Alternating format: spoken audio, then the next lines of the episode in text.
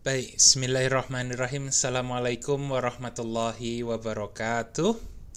Uh, mahasiswa psikologi semua yang berbahagia kayak mau khotbah ya ini ya, enggak deh. Uh, di mana pun kalian berada, ini adalah kali pertama saya menyelenggarakan perkuliahan online baik untuk mata kuliah psikologi komunitas maupun untuk psikologi eksperimen. Nah, uh, perlu diketahui bahwa ini adalah kali pertama sebenarnya saya menyelenggarakan kuliah dengan model semacam ini sehingga saya masih mencoba mencari formulasi yang sekiranya tepat bagaimana saya harus berbicara di depan uh, kamera kemudian bagaimana kemudian memastikan bahwa kalian engage. Nah ini masih menjadi sesuatu yang terus dan terus saya explore sehingga perkuliahan kita selama setidaknya sampai 30 April bisa berjalan lancar harapannya. Nah, untuk itu nanti mohon kalian bisa untuk memberikan feedback uh, setelah kalian menyelesaikan video ini atau mendengarkan rekaman ini, silahkan kalian memberikan feedback kepada saya di Google Classroom. Sekiranya apa yang perlu saya tingkatkan untuk dapat membuat uh, kuliah ini menjadi lebih menarik lagi terutama tentunya dengan memperhatikan semua resource yang kita miliki. Nah, gampangnya kayak kalau kata para YouTuber itu ya tinggalkan komen ya guys. Oke, jadi saya harapkan sekali masukan dari kalian. Baik, itu adalah uh, pengantarnya. Sekarang mari kita masuk ke dalam materi kita minggu kali ini. Uh, kemarin kita sudah membahas semua pengantar terkait dengan psikologi komunitas, baik itu dari apa itu psikologi komunitas hingga bagaimana sains serta ilmu dalam psikologi komunitas itu dikembangkan melalui penelitian.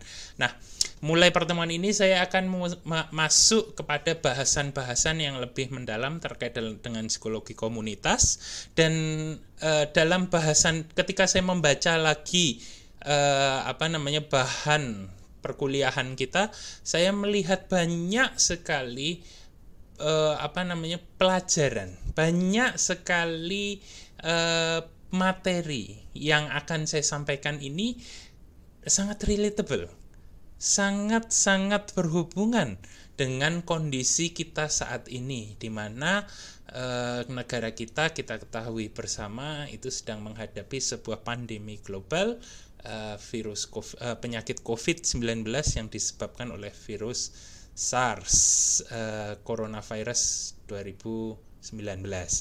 Nah, uh, jadi saudara-saudara saya akan banyak mengambil uh, paralel, banyak akan mengambil contoh dari apa yang sedang terjadi di tengah-tengah kita sekarang. Baik. Nah, untuk bahasan kali ini saya ingin membahas tentang apa itu manusia dan lingkungannya. Baik, kita lihat dulu sebelum kita masuk ke dalam bahasan manusia dan lingkungannya, saya ingin Anda untuk e, merenung dulu kira-kira. Apa yang sudah terjadi sejak satu tahun yang lalu? What has happened? Untuk diri Anda sendiri minimal. Saya beri waktu sebentar untuk Anda memikirkan jawabannya apa yang kira-kira uh, terjadi? Apa yang kira-kira kemudian sudah berlalu? Apa saja event-event yang sudah terjadi dalam hidup anda sejak satu tahun lalu? Silahkan direnungkan.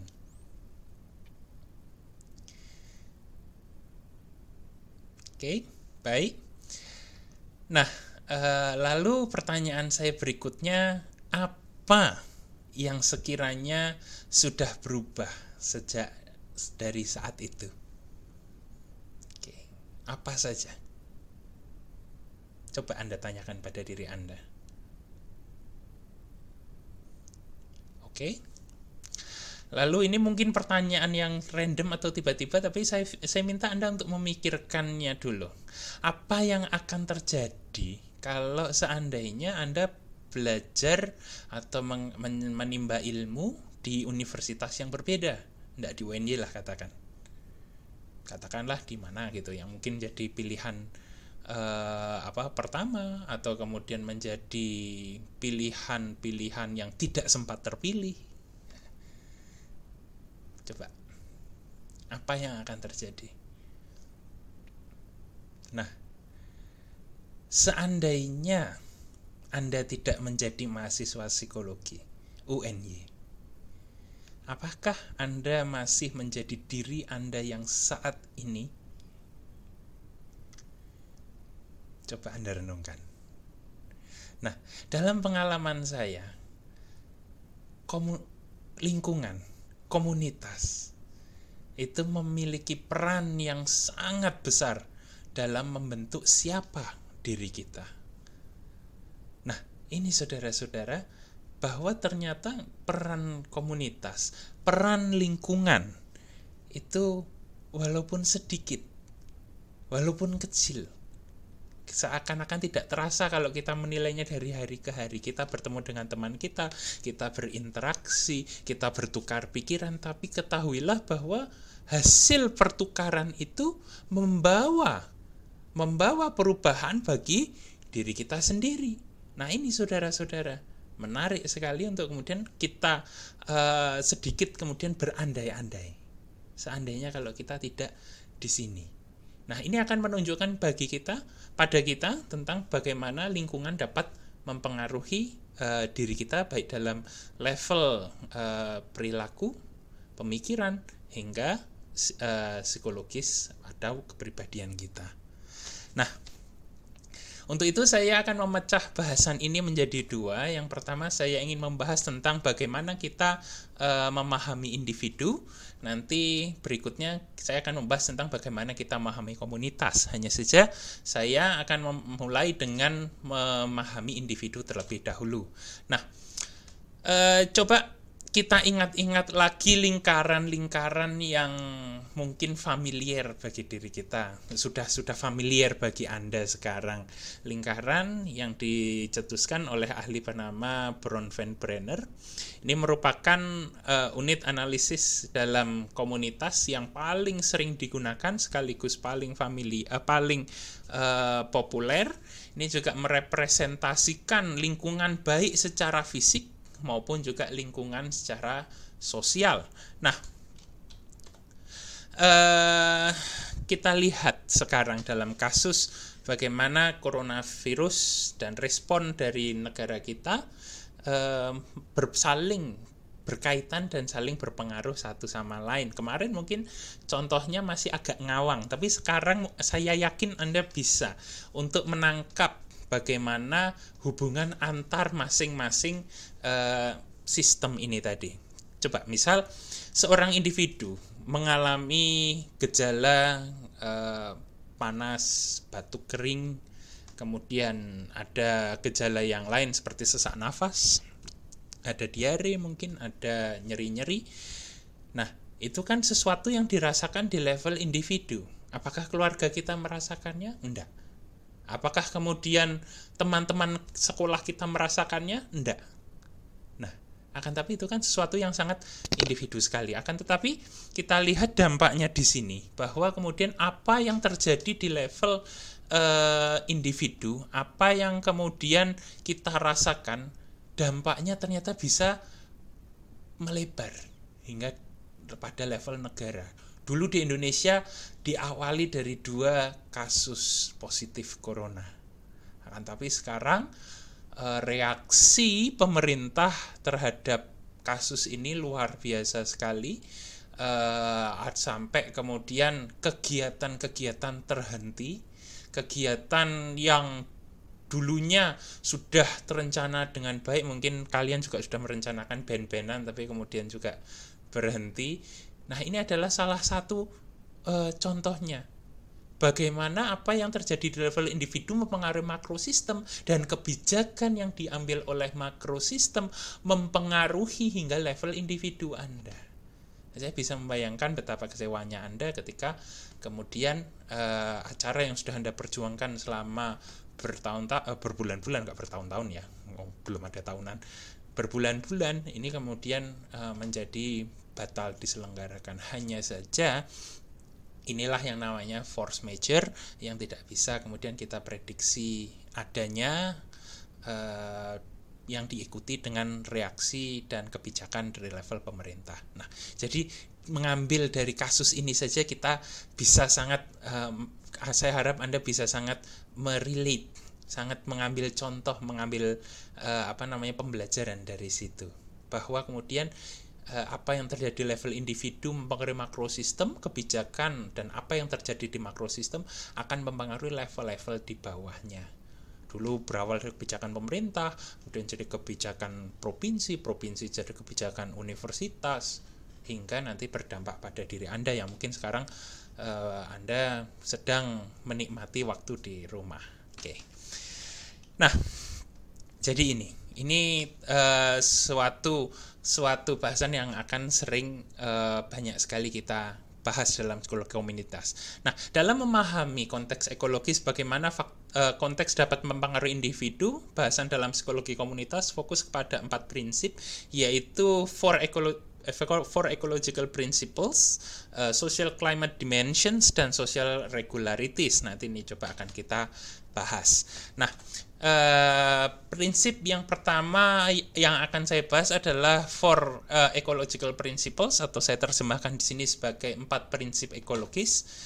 Nah, Empat prinsip ekologis yang pertama adalah adanya interdependensi. Nah, ini yang tadi barusan saya jelaskan. Bagaimana perubahan pada satu bagian akan mempengaruhi bagian yang lain.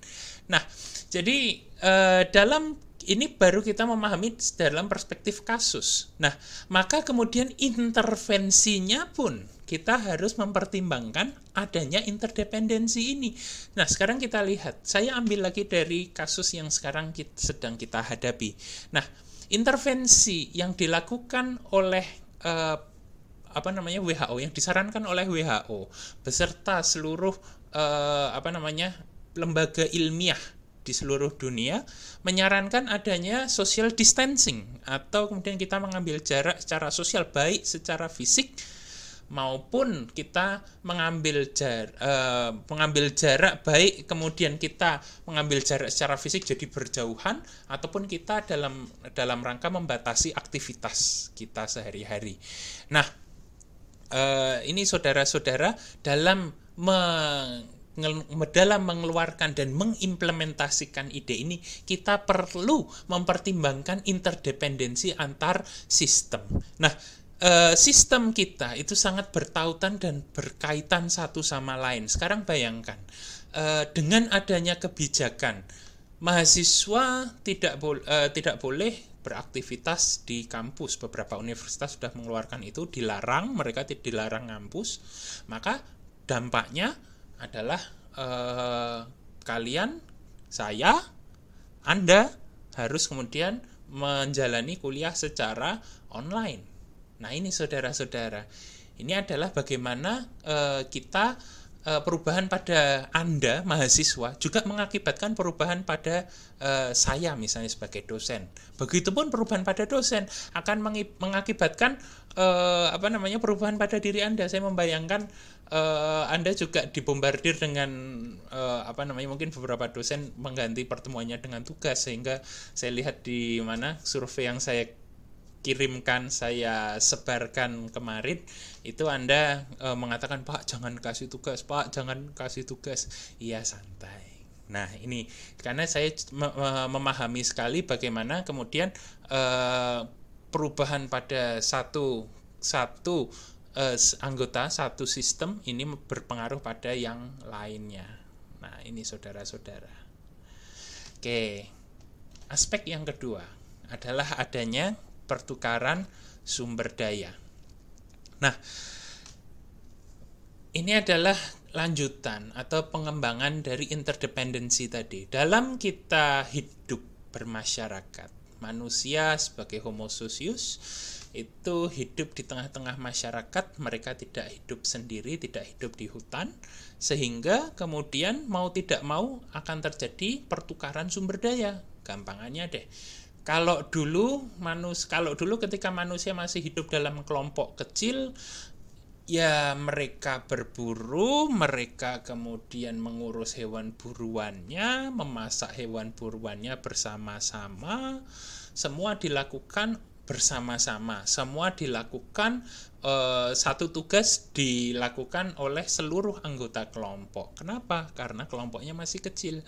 Hanya saja ketika masyarakat itu kemudian berkembang, maka kemudian terjadi spesialisasi ketika masyarakat mulai menetap dengan hidup dari berburu dan meramu berubah menjadi uh, sebuah masyarakat yang agraris berfokus pada agrikultur mereka kemudian mau tidak mau menetap di satu daerah untuk mereka memfokus untuk mengembangkan cocok tanam. Nah ini juga mengakibatkan e, perubahan pada level masyarakat di mana masyarakatnya menjadi lebih terspesialisasi. Mereka e, ada yang kemudian muncullah di sini yang namanya profesi ada yang kemudian bertani ada yang kemudian membuat alat-alat pertaniannya ada yang kemudian me, bertugas mengatur, menyimpan, mengatur penyimpanan, memastikan keamanan penyimpanan, mengadministrasikan semuanya. Ada yang tugasnya memasak. Karena apa? Karena kita e, dengan masyarakat yang ag agrikultur, e, mereka kemudian hidup di masyarakat yang lebih besar sehingga kemudian mau tidak mau e, pekerjaan itu harus terspesialisasi.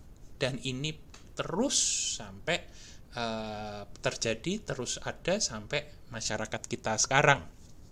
Nah, uh, inilah saudara-saudara sehingga mau tidak mau masyarakat itu harus saling bertukar satu sama lain. Nah, ini yang saya saya sebut dalam tayangan sebagai personal resource atau talenta. Nah, uh, ini akan sangat kentara sekali nanti ketika Anda sudah bekerja ada orang yang berprofesi misal sebagai seorang psikolog di di apa di lapangan. Ada juga yang berfung, e, berperan e, berprofesi sebagai ilmuwan. Nah, mereka apakah tidak saling bertukar? Oh, saling bertukar. Ilmuwan mengembangkan ke, mengembangkan teknik intervensi psikolog yang kemudian mencobakan mempraktekannya untuk mahalaya ramai. Nah, ini adalah contoh bagaimana uh, ilmuwan dan praktisi psikologi saling uh, bertukar sumber daya talenta, pengetahuan dan pengalaman itu tadi. Itu tadi. Saya sambil minum ya. Ah, enaknya kuliah online. Uh, berikutnya selain personal resource adalah uh, social resource. Tahukah Anda bahwa kemudian ketika Anda terlibat dalam sebuah relasi sosial, katakanlah misalnya Anda berteman antara satu dengan yang lainnya, oh sorry, uh, social resource, uh, ketika Anda berteman, Anda sebenarnya sedang terlibat sebuah pertukaran. Pertukaran apa? Selain misalnya pertukaran secara material, eh saya nggak punya duit, tolong jajain dulu dong, nanti tak bayar besok, itu materi ya. Uh, ini juga Anda terlibat pertukaran kepercayaan. Bagaimana dia bisa percaya untuk mempercayakan uangnya kepada Anda? Loh, bisa nggak kemudian Anda ngutang dulu, eh bayarin dong ini KFC gua 50 ribu, nah dibayarin, terus besoknya kayak nggak kenal. Nah, kan seringnya gitu tuh kalau orang ngutang pas minta-minta luar biasa sekali ramahnya. Pas ditagih bu kayak nggak kenal. Nah ini adalah basisnya apa? Kepercayaan. Kenapa saya mau mengutangi anda? Karena saya percaya anda akan membayar hutangnya kepada saya melunasi hutang anda. Nah ini adalah contoh pertukaran di level sosial. Terasa nggak materinya? Duitnya kerasa tapi kepercayaannya oh belum tentu Nah, ini yang kadang tidak terasa. Lain ketika bersahabat, Anda juga bertukar nilai. Anda punya Anda kemudian kan saling ngomong cerita, curhat satu sama lain. Nah, di situ akan terjadi pertukaran nilai, pertukaran perspektif dan macam-macamnya seperti aturan dan sense of community. Ini adalah semua adalah hal-hal yang akan Anda dapatkan dari uh, kontak atau relasi sosial. Nah, maka kemudian dengan kita memahami bagaimana or seseorang itu menggunakan resource-nya dia, kita dapat memahami bagaimana karakteristik dan prioritas dia pula. Misal, uh, dalam bersahabat Anda sebenarnya bisa melihat pola persahabatan Anda dengan uh, sahabat Anda. Kira-kira apa yang menjadi fitur atau mm, sesuatu itu yang sering ditukar dalam konteks pertukaran ini ya? Apa kira-kira? Kalau misalnya uh, ini lebih banyak pada personal resources, maka kemudian persahabatan Anda lebih dibahas, lebih berlandaskan sesuatu yang bersifat material. Coba kalau misalnya material itu dihilangkan, kira-kira masih nggak dia akan jadi sahabat Anda? Nah, begitupun dengan social resources dibalik aja. Dia akan kalau yang personal resources bersifat material, suatu yang bisa nampak uh, outputnya, sementara social resources adalah suatu yang lebih abstrak. Nah, coba Anda amati. Kira-kira coba Anda tanyakan pada diri Anda dan persahabatan Anda, kira-kira apa yang kemudian menjadi karakter atau prioritas Anda Nah, ini juga bisa digunakan untuk menganalisis uh, karak, uh, kar, sorry, relasi yang lain. Oke. Nah, prinsip berikutnya adalah apa yang disebut dengan adaptasi atau penyesuaian. Nah, ini saudara-saudara, kenapa kita kemudian bertukar satu sama lain? Kita, kenapa kemudian terjadi pertukaran antar individu tadi yang saya ceritakan? Nah, mau sebenarnya jawabannya simple. Because we need to survive atau kita perlu untuk bertahan hidup.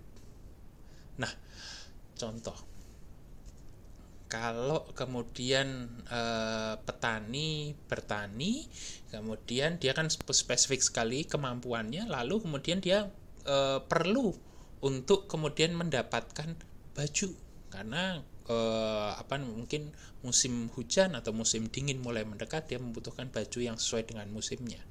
Nah gimana dong? Kalau dia bisanya bertani bisa nggak dia kemudian membuat baju? Nah ini adalah uh, adaptasi atau penyesuaian transaksi ini menjadi penting untuk memastikan keberlangsungan hidup seseorang dalam sebuah komunitas.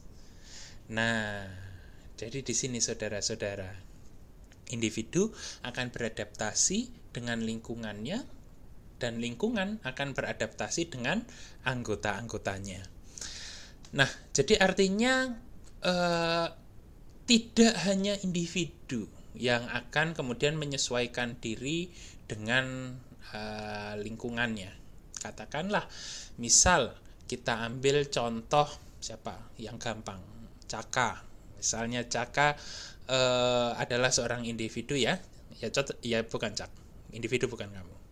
Nah, dia adalah individu yang kemudian uh, apa namanya memiliki kelas di kelas B. Nah ketahui tahukah bahwa kemudian kelas uh, teman-temanmu cak itu kemudian juga beradaptasi dengan dirimu?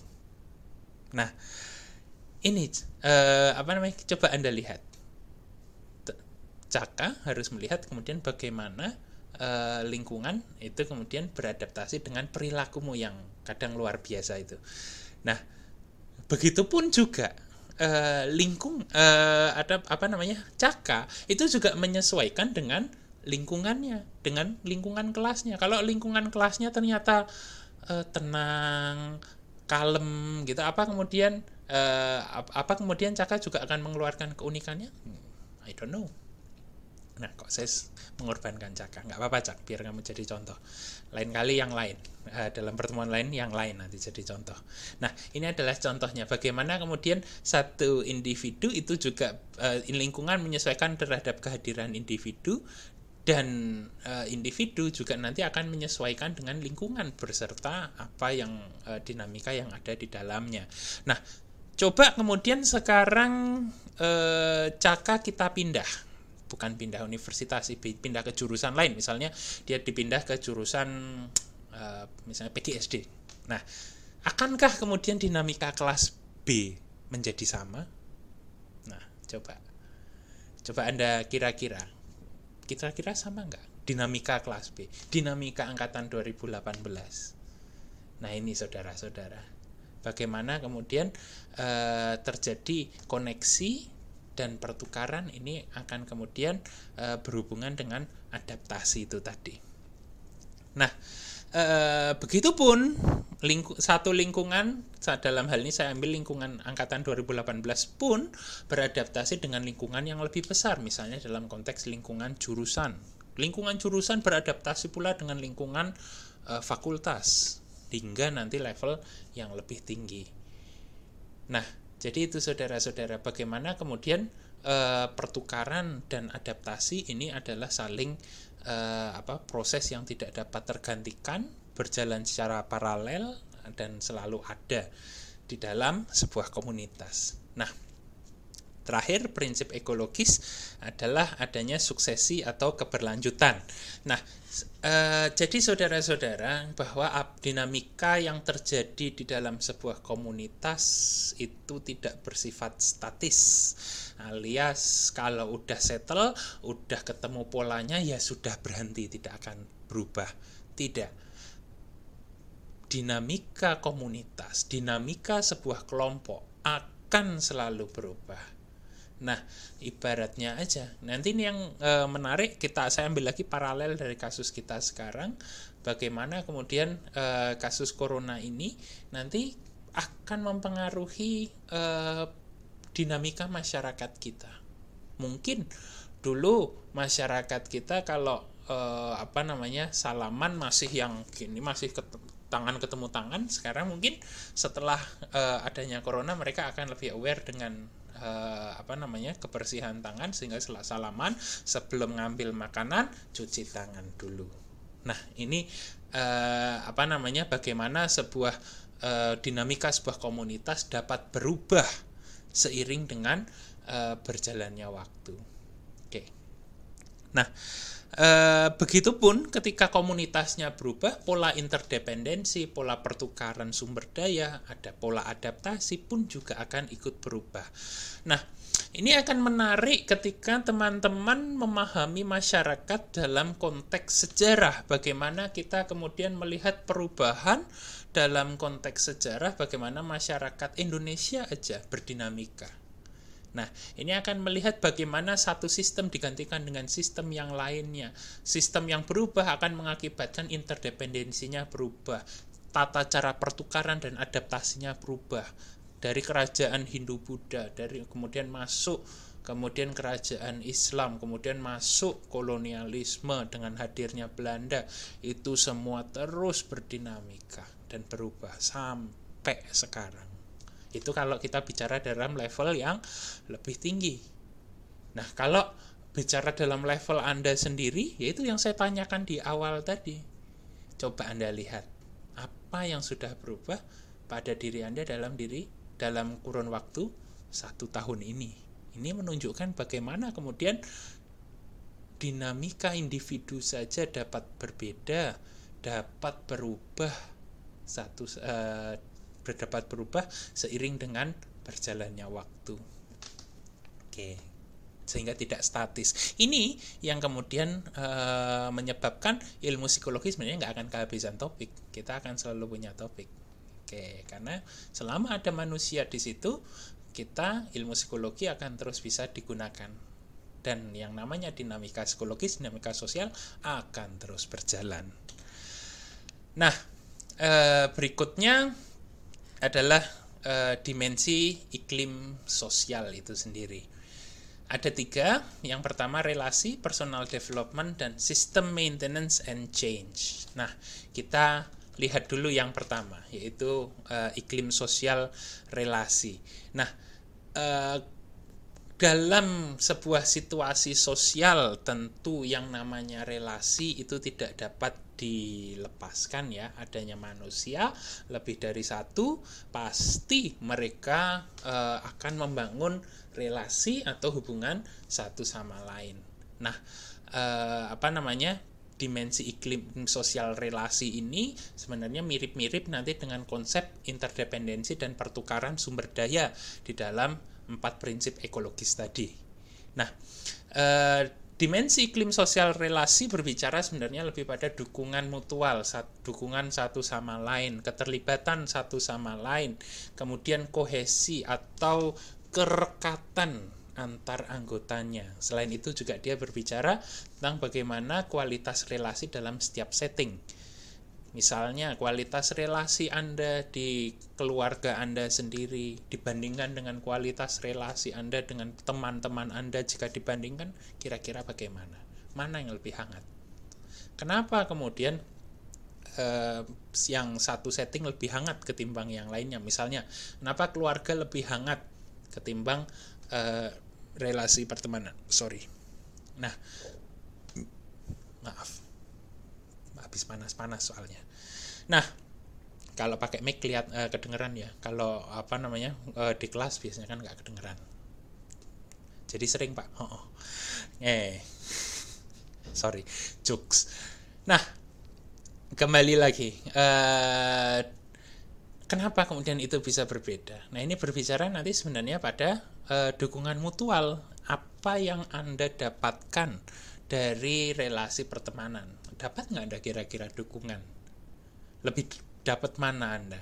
Di dukungan di rumah atau dukungan dengan uh, dari teman-teman Anda? Begitupun dengan aspek yang lain. Oke, ini iklim sosialnya. Kita bicara masalah relasi mana yang lebih hangat, mana yang lebih dekat. Nah, iklim sosial yang kedua adalah uh, personal development.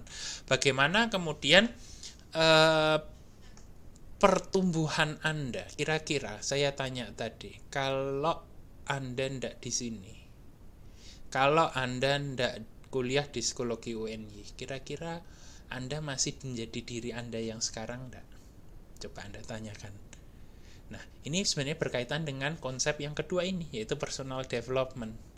Bagaimana kemudian sebuah lingkungan itu akan mempengaruhi perkembangan, pertumbuhan, dan perubahan yang ada pada diri kita. Perubahannya mungkin pelan-pelan sedikit demi sedikit akan tetapi kita jika kita akumulasi kita kumpulkan perubahan itu dalam konteks satu tahun maka kita ketika kita menelik ke belakang kita bisa melihat betapa kemudian kita sudah e, terjadi perubahan pada diri kita. Perubahannya bisa kecil bisa besar tergantung dari e, pengalaman atau situasi yang dihadapi orang ini selama satu tahun. Yaitu tadi adaptasi orang berad, berad, uh, orang beradaptasi dengan komunitas, komunitas beradaptasi dengan orangnya. Nah, ini akan membentuk uh, dinamika personal development. Nah, yang ketiga uh, adalah system maintenance and change. Nah, ini menekankan pada keteraturan, kejelasan tentang aturan dan ekspektasi serta perilaku kontrol. Nah, dalam sebuah uh, konteks sosial keteraturan itu menjadi penting. Kenapa ada aturan? Nah, kalian selalu bertanya-tanya, kok ada aturan itu ngapain sih? E, karena e, ketika kita tidak diatur oleh sebuah aturan, ya prinsip homo homini lupus itu kemudian menjadi berlaku. Tahu prinsip homo homini lupus? Manusia adalah serigala bagi manusia yang lainnya. Artinya apa? Jika tidak ada aturan, kita hanya akan mementingkan diri kita sendiri, mementingkan survivability dari diri kita serta kelompok kita yang paling dekat. Uh, our pack. Kalau serigala itu kan biasanya menggerombol hanya dalam kelompok kecil. Nah, saya ibaratkan ya mungkin keluarga, keluarga inti ataupun keluarga extended kita, lingkaran teman-teman dekat kita itu saja yang akan dipentingkan kalau tidak ada aturan. Nah, uh, adanya uh, ketika seorang hidup dalam sebuah masyarakat, aturan ini mau tidak mau ada sebagai bentuk kontrol atas individu sehingga kemudian masyarakat dapat berfungsi. Nah, inilah uh, kalau kita memandang uh, dinamika individu dalam konteks uh, iklim sosialnya. Nah, uh, Dinamika individu yang ketiga adalah social regularities atau kemudian eh, apa ya namanya kebiasaan secara sosial. Nah, setting dan sistem ini akan menciptakan sebuah pola relasi antar anggotanya yang dapat diprediksi. Coba kira-kira saya tanya kelas A dan kelas B. Yang paling sering nanya di kelas Anda siapa? Nah, saya yakin di benak Anda langsung muncul uh, setidaknya satu atau dua nama. Tahukah bahwa itu sebenarnya adalah social regularities? Nah, jadi uh, ini adalah bagaimana itu adalah contoh yang simpel sebenarnya social regularities yang simpel. Bagaimana kemudian uh, interaksi antara setting dan sistem menciptakan kemudian sebuah pola relasi yang sangat dapat diprediksi. Sehingga kalau ada dosennya yang bertanya ada pertanyaan biasanya ini akan kemudian celinga celinguk ke kanan ke kiri. Kira-kira siapa ya? Kok dia belum ngacung ya? Nah ini. Kita sebenarnya sedang mengandalkan social regularities ini tadi. Nah, kalau didefinisikan, social regularities ini adalah sebuah pola berulang dalam relasi sosial antar elemen dalam sebuah setting. Jadi sebuah pola yang berulang. Karena dia sering nanya, maka kita menganggapnya wajar. Oh, dia nanya. Nah, suatu saat ketika dia nggak nanya, kita bertanya-tanya, loh ada apa ini? Nah, ini kan kita sebenarnya sedang mengalami sebuah fenomena yang disebut dengan social regularities itu tadi itu bisa menjadi penanda macam-macam oh lagi gak mood oh ada sesuatu ini kayaknya nah itu kenapa kita bisa menyimpulkan hal tersebut karena kita mengamati dari social regularitiesnya ini tadi Nah, dari mana kita bisa mengamati atau mengambil info tentang social regularities? Tidak lain dan tidak bukan adalah uh, dari lamanya interaksi kita dengan individu tersebut.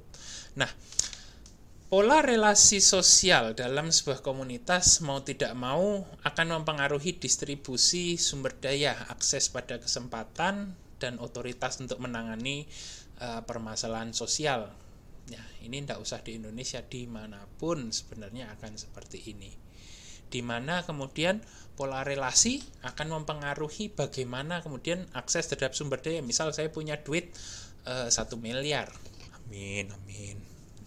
Nah, Eh, kepada siapa saya, saya akan membagikan itu sekiranya kalau saya ingin berbagi ya saya apa namanya individu yang rajin menabung dan uh, suka berderma oke nah ibarat ibaratnya aja. Nah uh, apa namanya? Kepada siapa? Ya mau tidak mau kan kepada orang dekat saya. Coba ada orang yang tidak kenal tiba-tiba datang ke saya pak minta duitnya gitu kan juga saya akan uh, kita nggak usah saya. Anda kalau punya duit satu miliar tiba-tiba ada orang saya saya minta duitmu dong. Anda siapa lu? Kenapa? Ya itu tadi. Uh, apa namanya?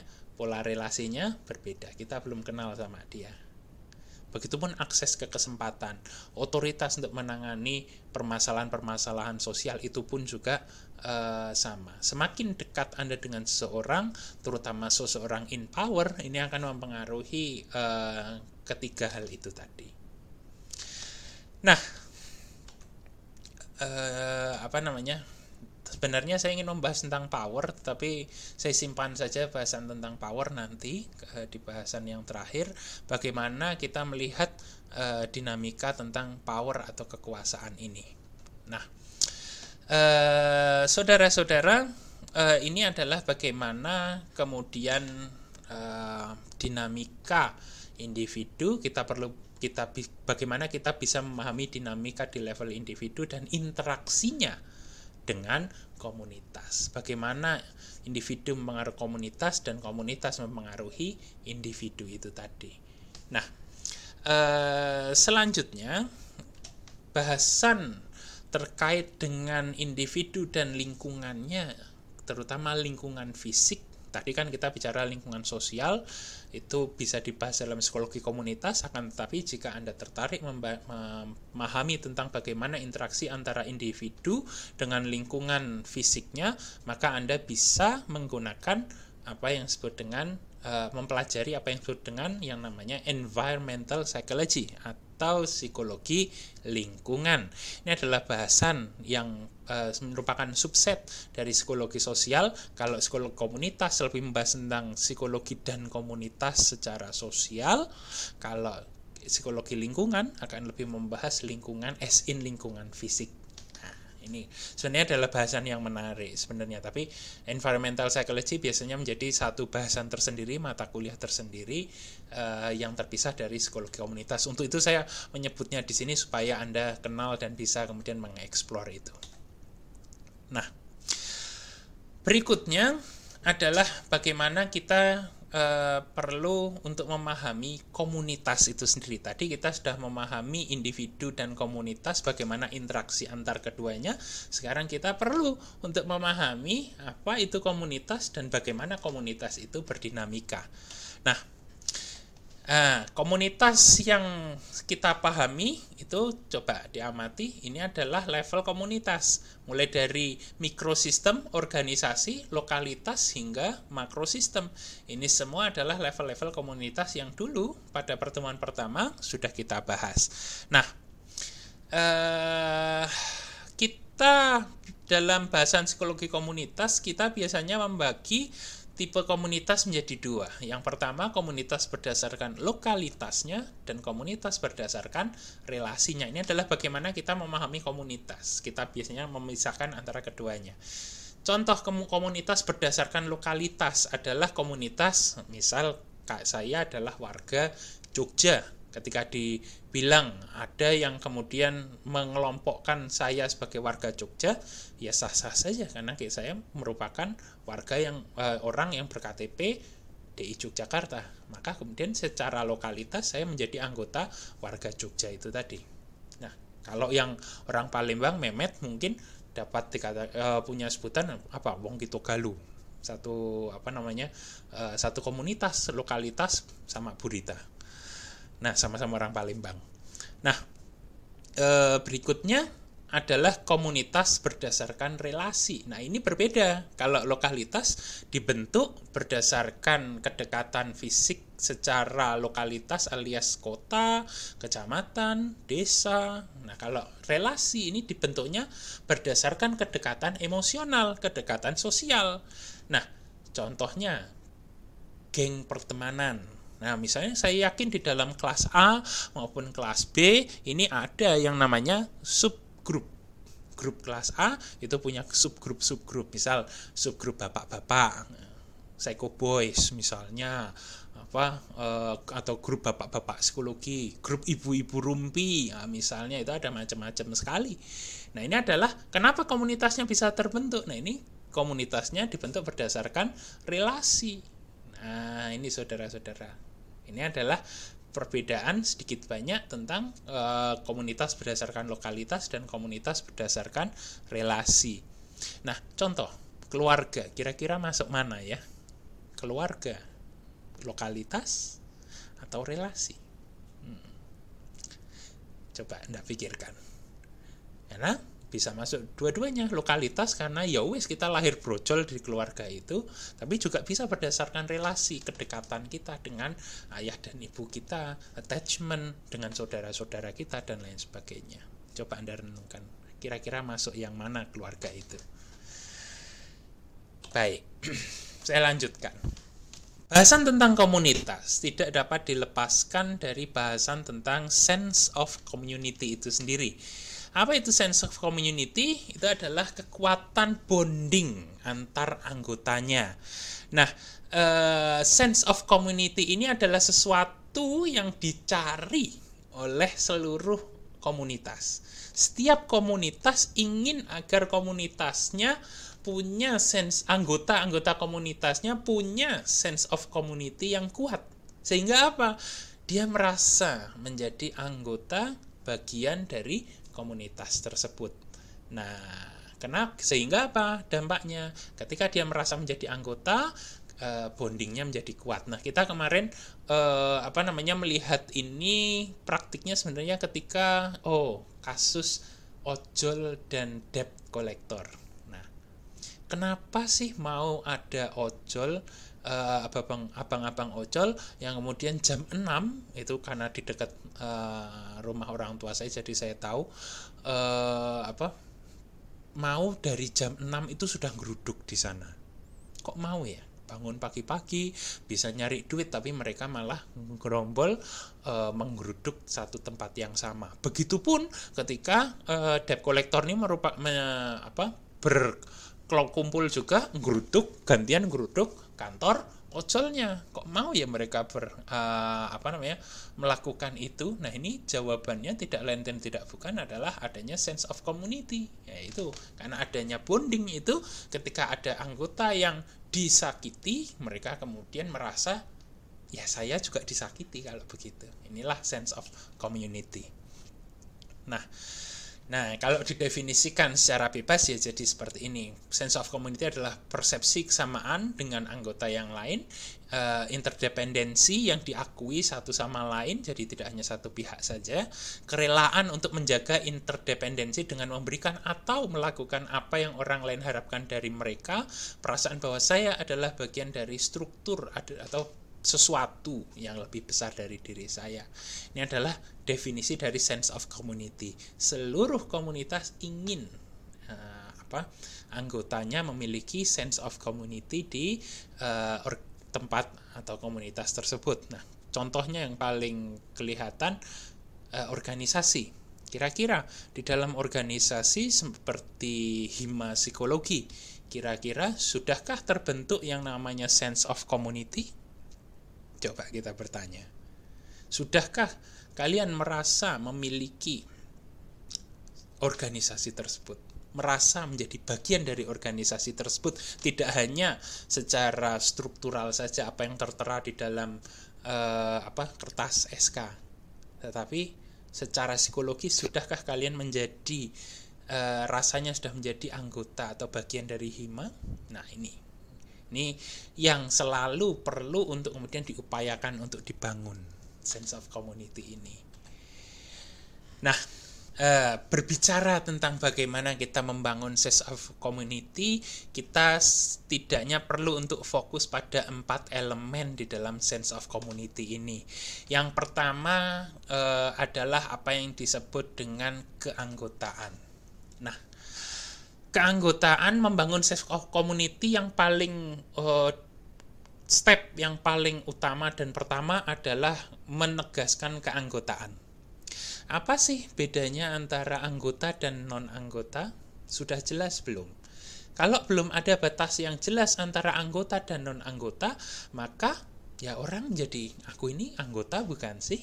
Gimana dia mau menumbuhkan sense of community ketika dia tidak tahu apakah dia masih menjadi anggota, uh, dia sudah menjadi anggota atau belum. Jadi ini menjadi uh, apa namanya menjadi sebuah tahap yang harus dilakukan, menentukan batas mana anggota, mana non anggota.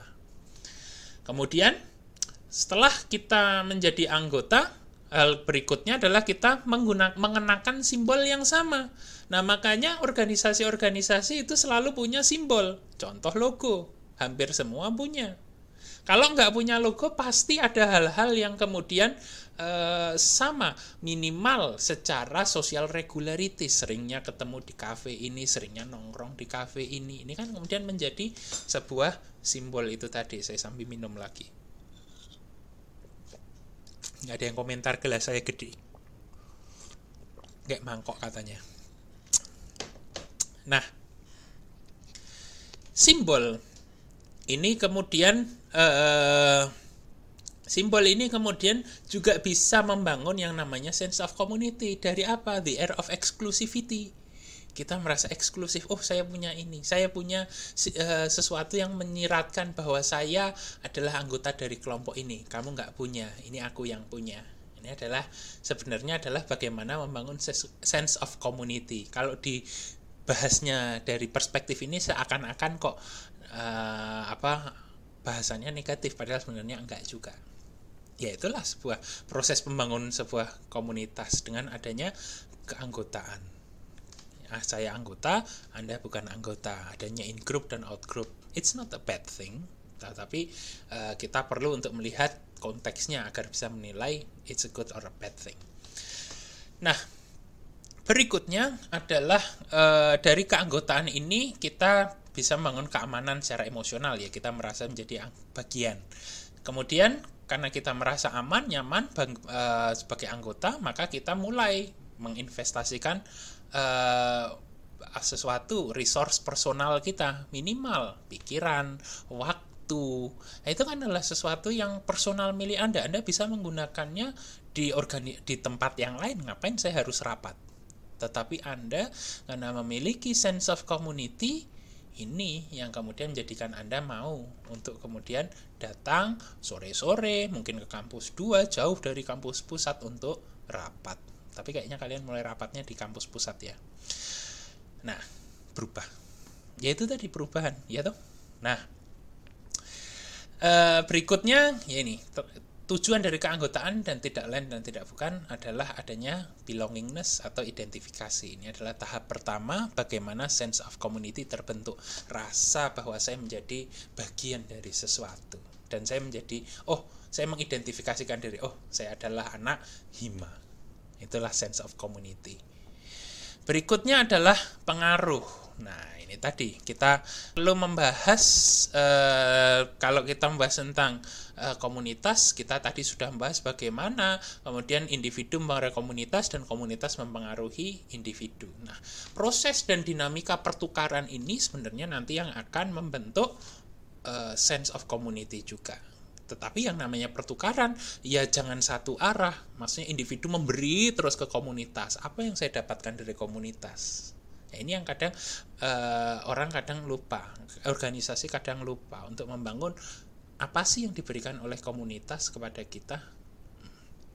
Mungkin tidak melulu harus kemudian hal yang bersifat fisik. Nah, ini tetapi harus dijawab karena ketika kita bicara individu, di dalam diri individu ada ekspektasi itu tadi. Nah, ini yang kemudian perlu untuk kemudian kita uh, seragamkan untuk bisa membangun sense of community itu tadi. Nah, berikutnya adalah integrasi dan pemenuhan kebutuhan.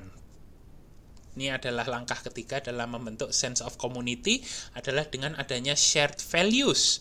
Nah, shared values atau nilai-nilai yang dimiliki bersama, disepakati bersama, seperti misalnya gampangnya direpresentasikan dengan sebuah slogan.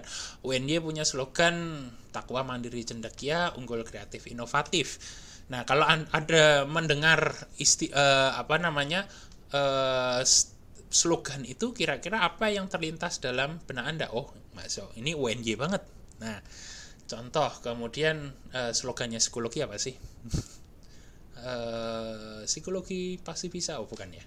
Oke, yang lain misalnya uh, misalnya Anda mendengar uh, slogan mengakar kuat menjulang tinggi. Nah, itu adalah uh, apa namanya anak-anak anda anda bisa kemudian menghubungkannya dengan oh itu kampus sebelah itu GM nah kenapa? Ya karena kemudian itu adalah slogan shared values. Itu adalah sesuatu yang dimiliki secara bersama.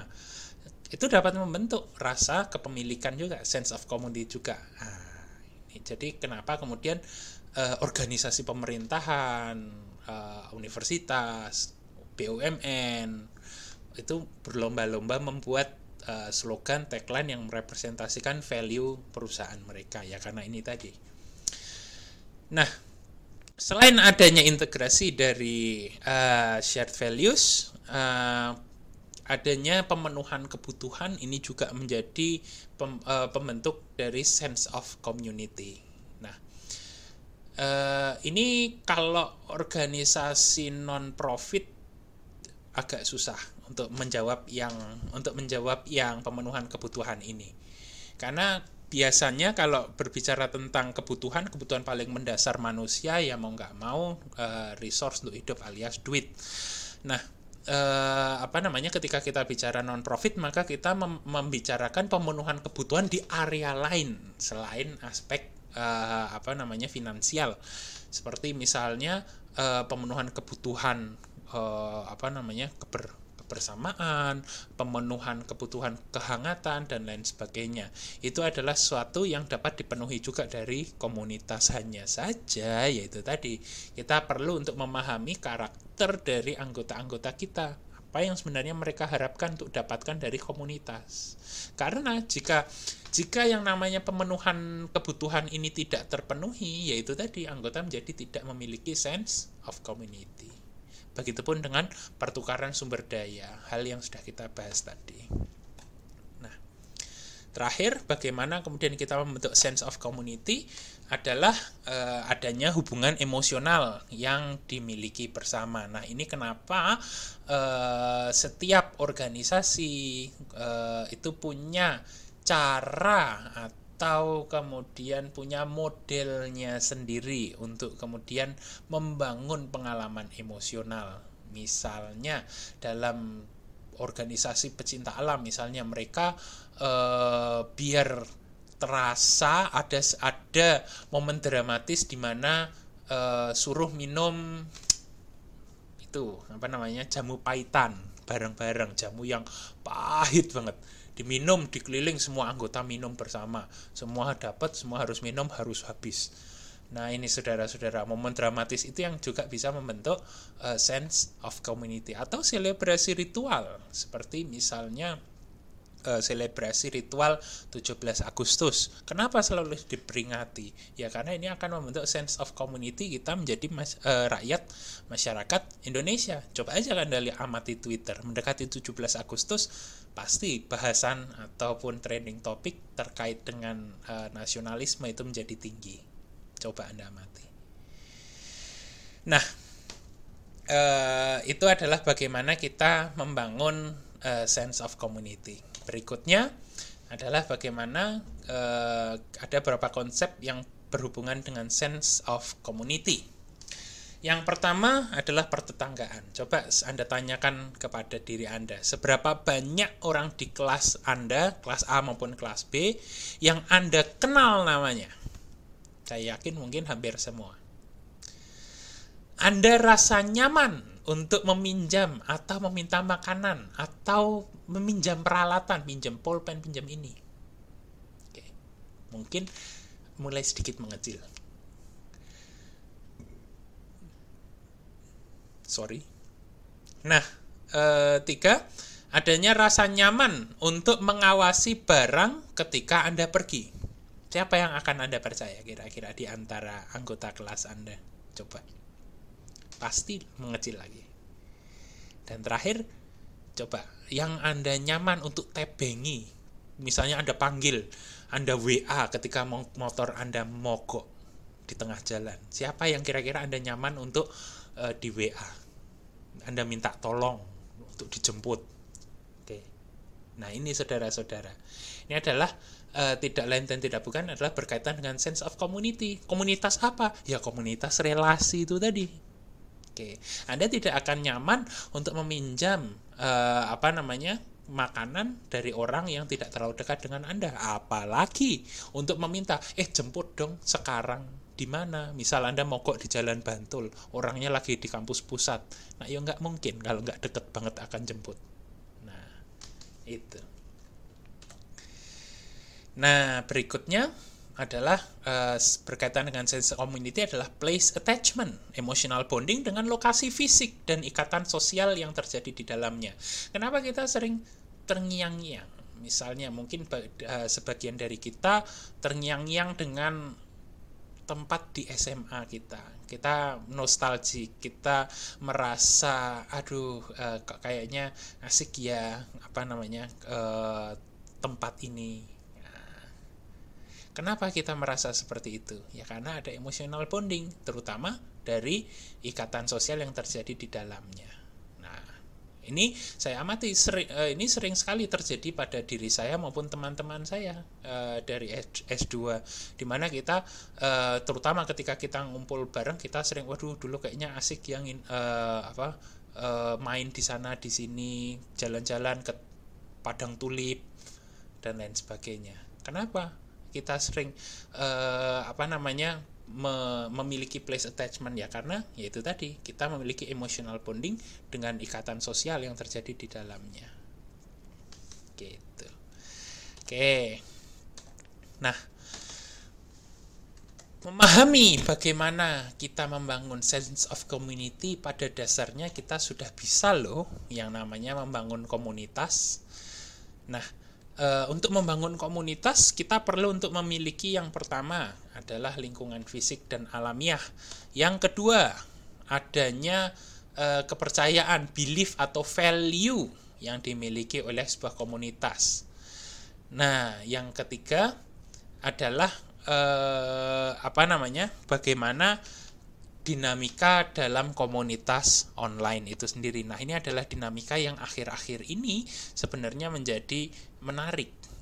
Netizen, dinamika netizen. Bagaimana komunitas maya itu juga bisa mempengaruhi perilaku kita di dunia uh, fisik, di dunia nyata.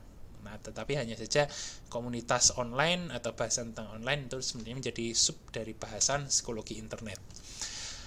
yang akan Anda ambil kalau Anda mengambil uh, konsentrasi psikologi sosial nanti semester 6. Nah, berbicara tentang komunitas mau tidak mau kemudian kita juga uh, apa akan berbicara tentang keberagaman.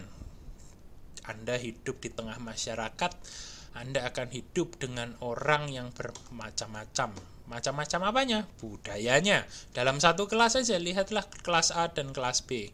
Uh, wahai kelas A dan kelas B lihatlah kelas Anda sendiri. Kira-kira dari satu kelas itu saja bermacam-macamkah budayanya walaupun kita sama-sama mungkin sesama dari Jogja tapi budaya dari budaya keluarga kita, budaya lingkungan pertemanan kita itu juga menjadi keberagaman, perbedaan-perbedaan kecil yang menjadi keberagaman. Selain budaya, ras dan etnisitas. Nah, mungkin kalau di kita tidak terlalu terasa karena ras atau etnisitas kita kurang lebih uh, apa homogen, uh, kebanyakan Jawa Sumatera dengan ras Mongoloid. Nah, tapi kalau Anda nanti berkesempatan berkuliah di luar negeri, nanti Anda akan lihat di situ bagaimana kemudian etnisitas dan ras yang ber, uh, berbeda. Mereka uh, punya cara berpikir yang sama, eh sorry, cara berpikir yang berbeda, kebiasaan budaya yang berbeda dan lain sebagainya. Contoh aja, dalam COVID, uh, wabah COVID ini, pandemi COVID ini, mungkin beredar, Anda sudah membaca meme online-nya orang-orang uh, eh, apa namanya Barat, orang Australia, orang-orang Amerika, mereka pada panik memborong di supermarket itu borong tisu. Kita orang Indonesia ngapain borong tisu? Tidak kenal ada yang namanya air ya. Nah, untuk tisu untuk cepok maksudnya.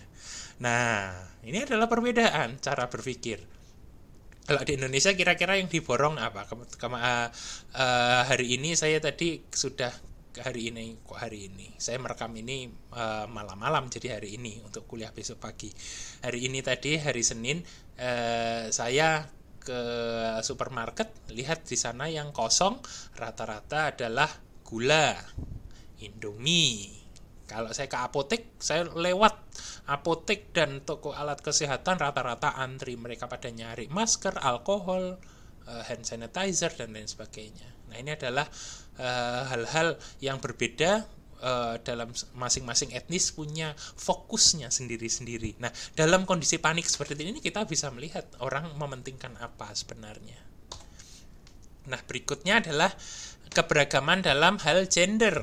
Uh, apa namanya? Anda perlu memahami dulu yang namanya jenis kelamin, gender ini berbeda. Jenis kelamin adalah apa yang uh, diassign pada Anda ketika lahir, jadi jenis kelamin Anda apakah laki-laki, perempuan, alat kelamin dibedakan dari alat kelamin Anda.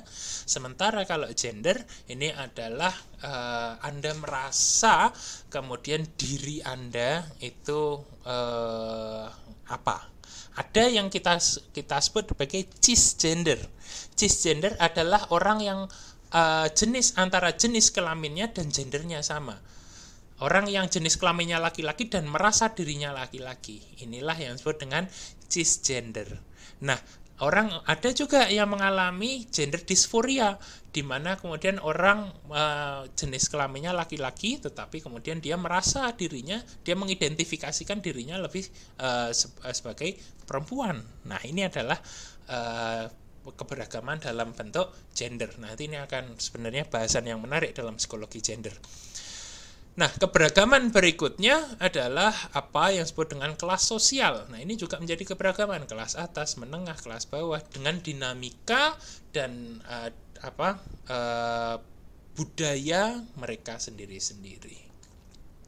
Nah, selain kemudian keberagaman yang empat ini, ada beberapa hal yang lain seperti abilitas atau disabilitas. Apakah Anda memiliki disabilitas atau tidak?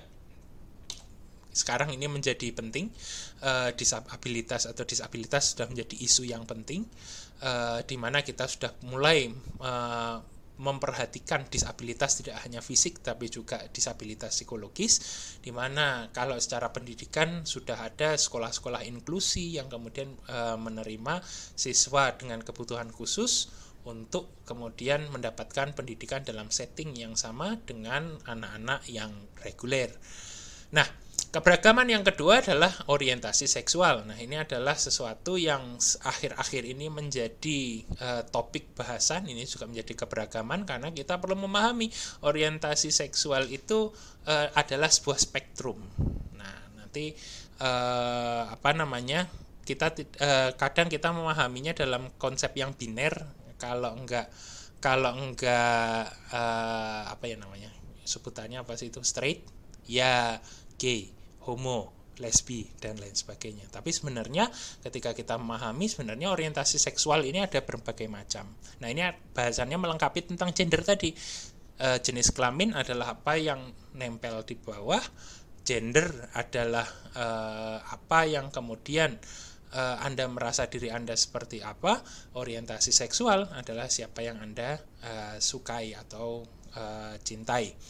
Nah, ini adalah suatu yang kadang orang kecampur-campur. Nah, keberagaman berikutnya usia, itu juga keberagaman loh. Kadang di masyarakat kita, masyarakat Indonesia ketika memandang orang muda berbicara, ah ngapain kamu anak kecil ngomong? Itu adalah keberagaman juga. Padahal itu adalah ageism itu tidak boleh juga. Bahwa apakah orang muda kemudian tidak bisa menyampaikan kebenaran sesuatu yang benar? Nah ini oke itu adalah keberagaman juga. Agama dan spiritualitas jelas. Ini kita hidup di tengah-tengah dan ini uh, selalu menjadi poin yang uh, sumber tension di dalam masyarakat kita agama dan spiritualitas. Dan ketiga adalah eh, terakhir adalah keberagaman lokalitas dari mana kita.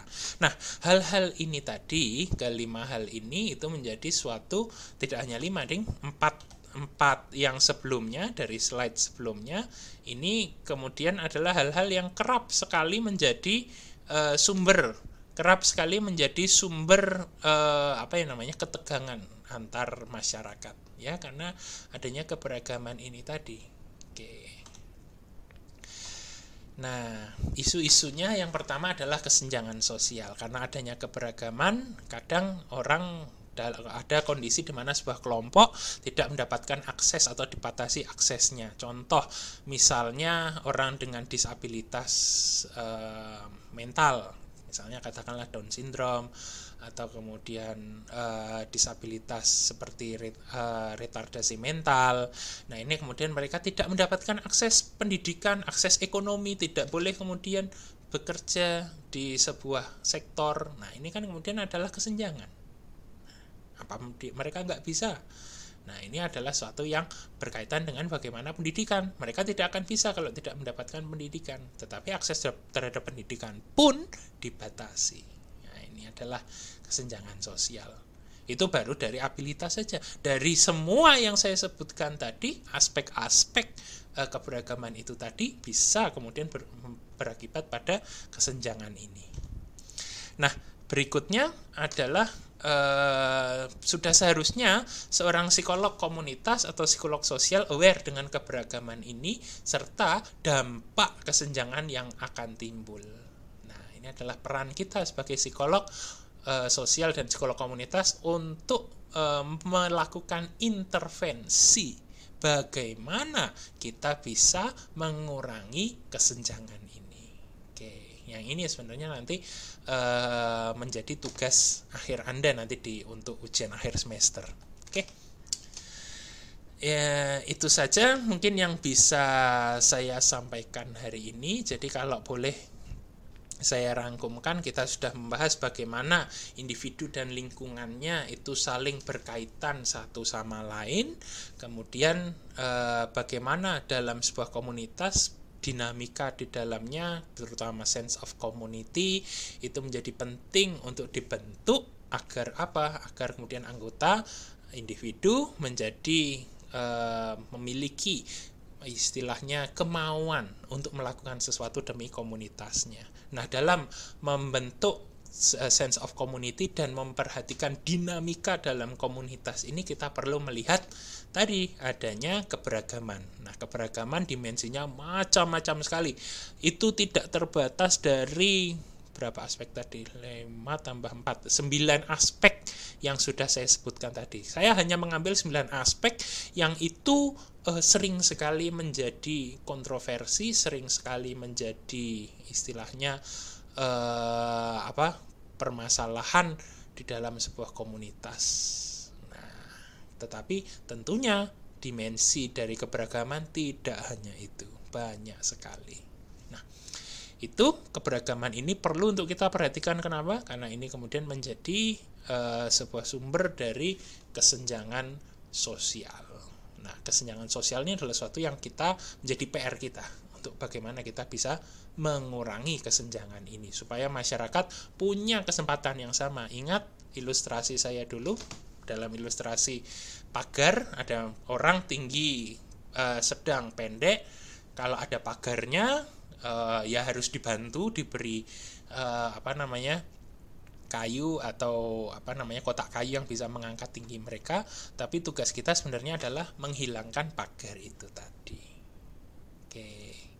Nah jadi saudara-saudara itu adalah bagaimana uh, kita memahami manusia dan lingkungannya itu saja mungkin yang bisa saya bahas dalam pertemuan kali ini dalam pertemuan online kita. Rasanya sedikit uh, wagu tadi uh, tanpa ada kehadiran kalian. Uh, apa namanya kalau biasanya nanti kalian ada tanggapan uh, ini saya cuma ngomong sama monitor sama kamera ya tapi beginilah adanya yang sedang sekarang kita hadapi uh, untuk tanggapan dan komentar pertanyaan silahkan Anda ajukan lewat Google Classroom. Insya Allah akan saya cek terus dan saya tanggapi. Jadi kalian silahkan bertanya, gunakan Google Classroom ini sebagai media untuk bertanya. Oke, supaya apa? Bisa sebenarnya Jabri, sebenarnya bisa. Cuma eh, teman-teman uh, yang lain menjadi tidak belajar, tidak tahu apa yang Anda tanyakan. Nah, kalau kita buka di forum online, nah ini kan semua jadi belajar bareng-bareng. Baik, itu saja yang bisa saya sampaikan hari ini. Uh, terima kasih atas atensinya, uh, baik pendengar audio maupun pendengar video. Eh, jangan bosan lihat wajah saya uh, yang apa namanya di layar sudah membesar ini. Ya, oke.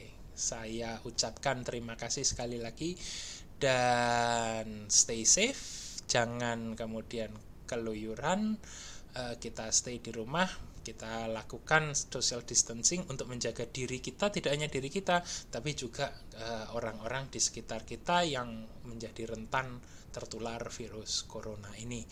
Semoga uh, pandemi ini bisa segera berlalu dan kemudian kita bisa um, resume our usual activity aktivitas kita yang uh, biasanya kuliah di kelas sehingga kemudian kita bisa berinteraksi secara aktif. Nah, baru gini kita jadi kerasa uh, apa namanya? kerasa ternyata kuliah di kelas itu ada asiknya juga walaupun kadang aduh mau berangkat itu luar biasa. Oke, baik. Uh, terima kasih. Kita sampai jumpa minggu depan dalam kuliah sekolah komunitas berikutnya. Uh, eh enggak ding. Ada eksperimen ya. Uh, eksperimen besok Rabu uh, kita bertemu lagi besok Rabu untuk kuliah eksperimen dan minggu depan untuk kuliah psikologi komunitas. Stay safe stay healthy and stay happy everyone. Uh, goodbye